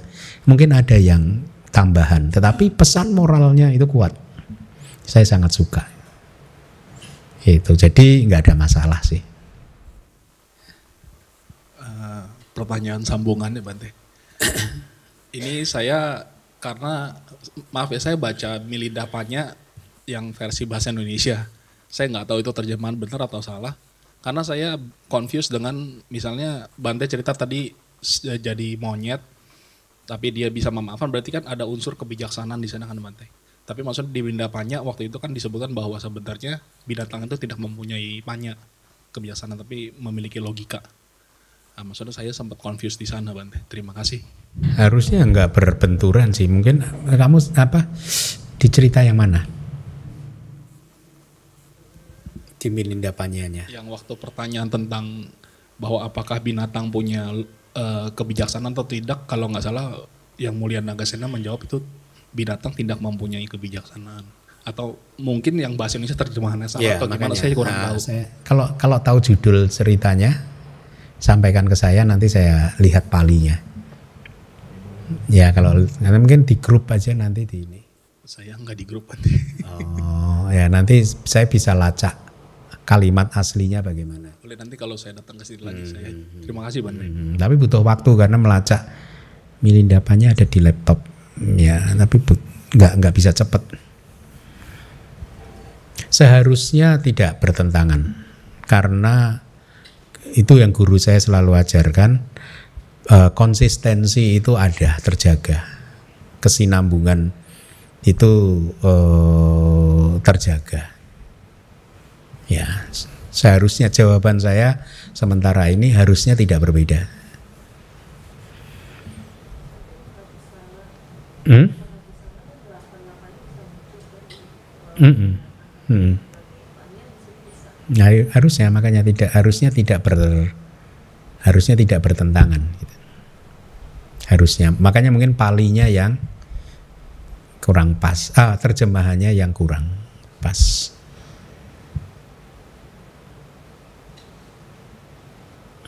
Saya lupa cerita itu. Binatang ya. Judulnya apa tahu nggak? judul judul ceritanya? Oh, saya baca di Melindapanya, Pak. Nah, judul tentang apa di subbab apa gitu. Nah, oke, okay. dicari aja nanti. Saya bisa bantu carikan. Asli palinya gimana?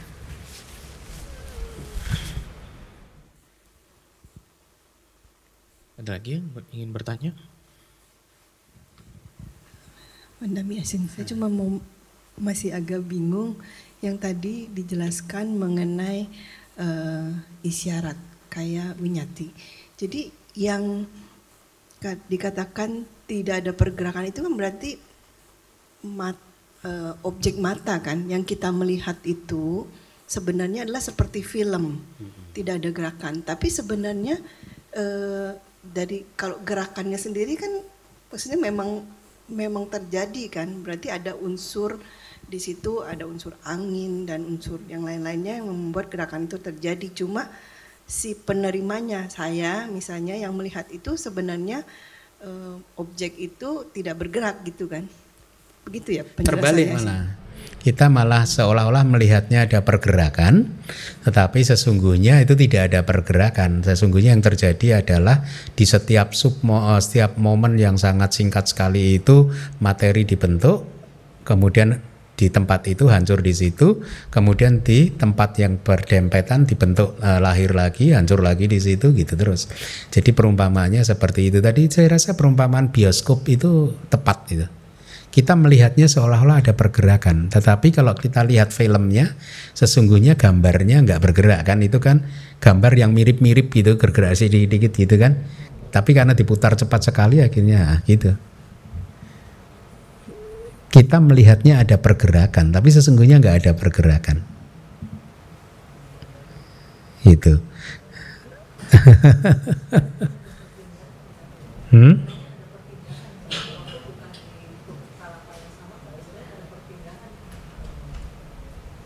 Oh iya, ada perpindahan. Tapi kan setiap sub momen itu hancur sudah, sudah. Pergerakan itu kan artinya begini loh satu wujud yang sama bergerak-gerak gitu loh. Kayak di bioskop itu, ini, ini bergerak. Padahal yang filmnya itu sebenarnya tidak ada pergerakan kan. Jadi tergantung sih memahaminya sih bahwa ini dikatakan katakanlah realitas hakikinya bergerak, iya, tetapi bukan berarti satu realitas. Tadi ada kan di kalimat realitas yang sama berpindah tempat, nggak ada kan? Nggak ada kan? Realitas hakiki itu muncul di situ, hancur di situ. Tapi kemudian muncul lagi di sebelahnya, hancur di sebelahnya. Karena cepat sekali jadi seolah-olah ini memang bergerak. Tapi sebenarnya setiap momen itu adalah wujud yang baru.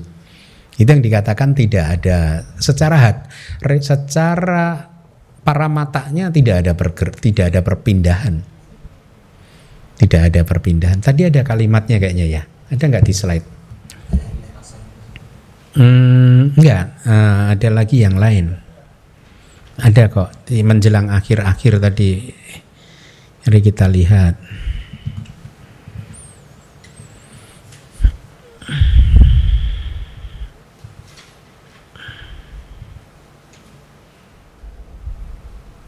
Oh ya bener Andi, lintasan tadi. Uh, slide nomor 13 dan di sini tapi beda sih. Anda kan KW kan? Ini nih nih agak beda. Kali terjemahannya saya perbaiki sih. Ah saya perbaiki sih. Sebelumnya apa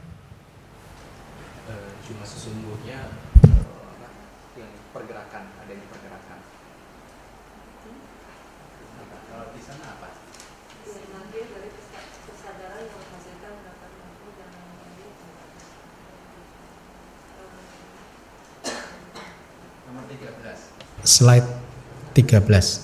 Dan di sini yang dimaksud dengan gerakan adalah kemunculan materi baru di tempat lain semata oleh karena tidak ada perpindahan damak-damak dari satu tempat ke tempat lain.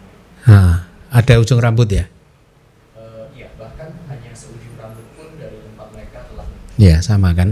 Saya ganti lintasan aja ya kayaknya ya. Lintasan sama di situ apa? Perpindahan ya. Karena sangka mana, sangka mana itu harusnya ya Oke. Coba ada yang bawa grammar nggak? Sangka mana? Ya. Hmm? Ini loh, ini loh. Ups, sorry, ntar saya kuning ya, saya kuning ya.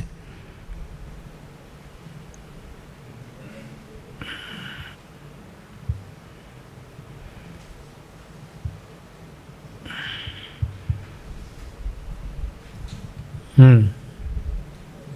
Itu. A-nya harusnya yang belakang pendek kali.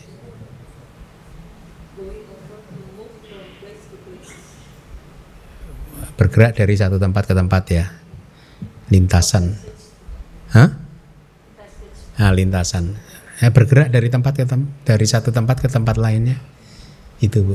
Jadi nggak ada sih sebenarnya sih. Nah, ini ini ini dari kitab ini. Tidak ada pergerakan.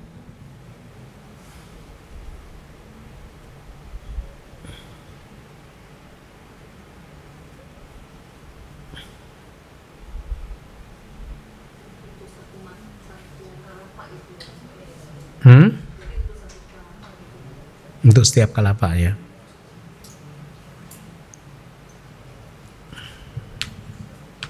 Seperti di Mahasati Padana Sutta juga saya sampaikan begitu ya. Waktu saya ceramah Mahasati Padana Sutta tidak ada pergerakan. Waktu uh, bagian sampak jana ya atau apa? Empat pergerakan tubuh kayaknya ya. Sempat saya singgung kayaknya. Jadi kalau ininya nggak ada pergerakan.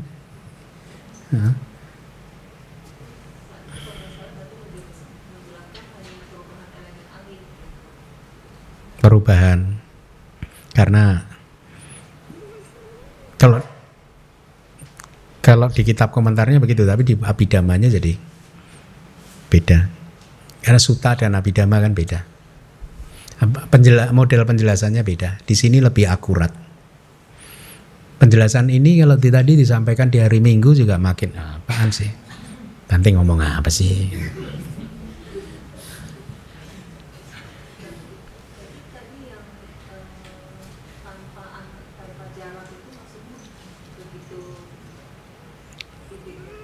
Tanpa jarak itu artinya nempel ya, artinya persis di tempat yang di dekatnya. Desantara, eh, ini ada nih harusnya. Kemudian tempat lain oleh karena sesungguhnya ya di tempat lain itulah. Itu sesungguhnya desantara susah sih. Nah, tam, kalau desantara antar tempat itu loh desantara desa plus antara di tempat lain tapi tapi bersebelahan ber, berjejeran itu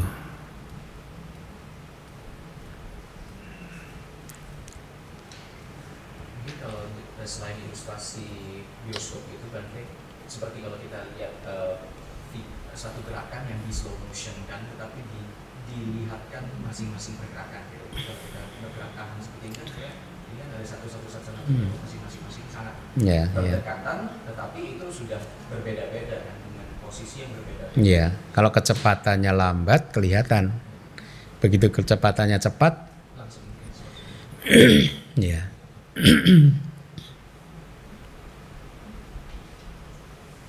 Dulu waktu masih suka nonton video yang Betamax itu kan, kalau pas pitanya ngadat, kayak pantomin ya itu ya ya kenapa bandit bandit ceritanya Betamax. Habis itu nggak paham sih saya video apa sekarang? Katanya udah sampai ke USB gitu kan. Eh siapa dulu pernah ngasih saya? Ada USB udah bentuk film gitu. Download Hah? dalam USB gitu katanya. Katanya dia beli online gitu katanya gitu. Tentang Buddha apa gitu loh lupa saya. Gitu Bu Vero ya nggak ada pergerakan. Saya rasa contoh move bioskop itu tepat sekali sih. Ada lagi? Ya Pak Aris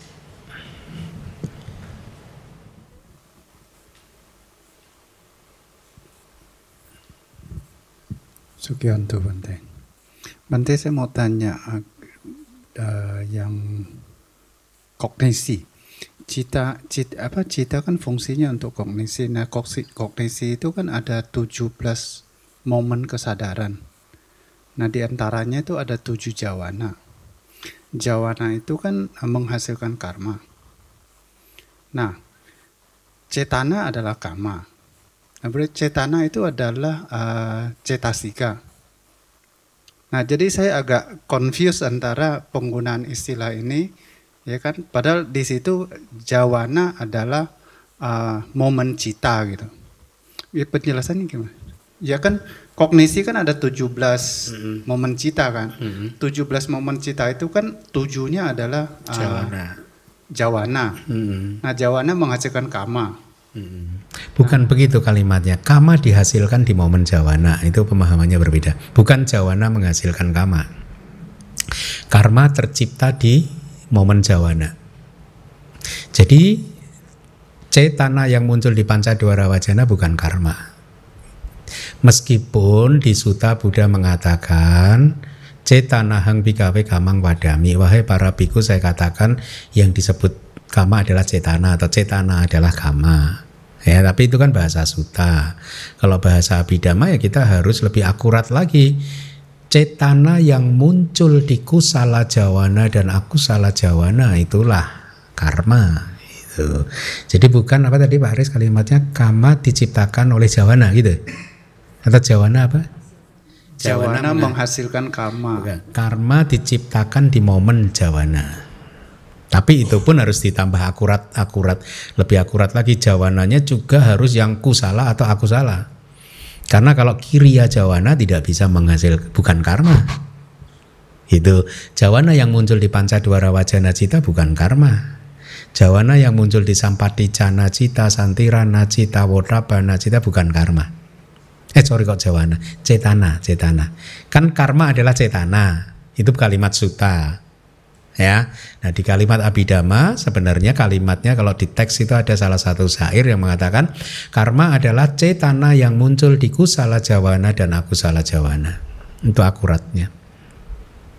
Itu ya. Terus pertanyaan bagaimana itu bisa muncul di karma itu bisa muncul di ceta di jawana? Karena jawana itu kan kayak uh, reaksi kita kan, dorongan hati kan. Uh, reaksi terhadap objek kan? Ya maka itulah di situ. Kalau yang sebelumnya itu kan pancadwara wajana itu kan hanya kiriya cita ya toh?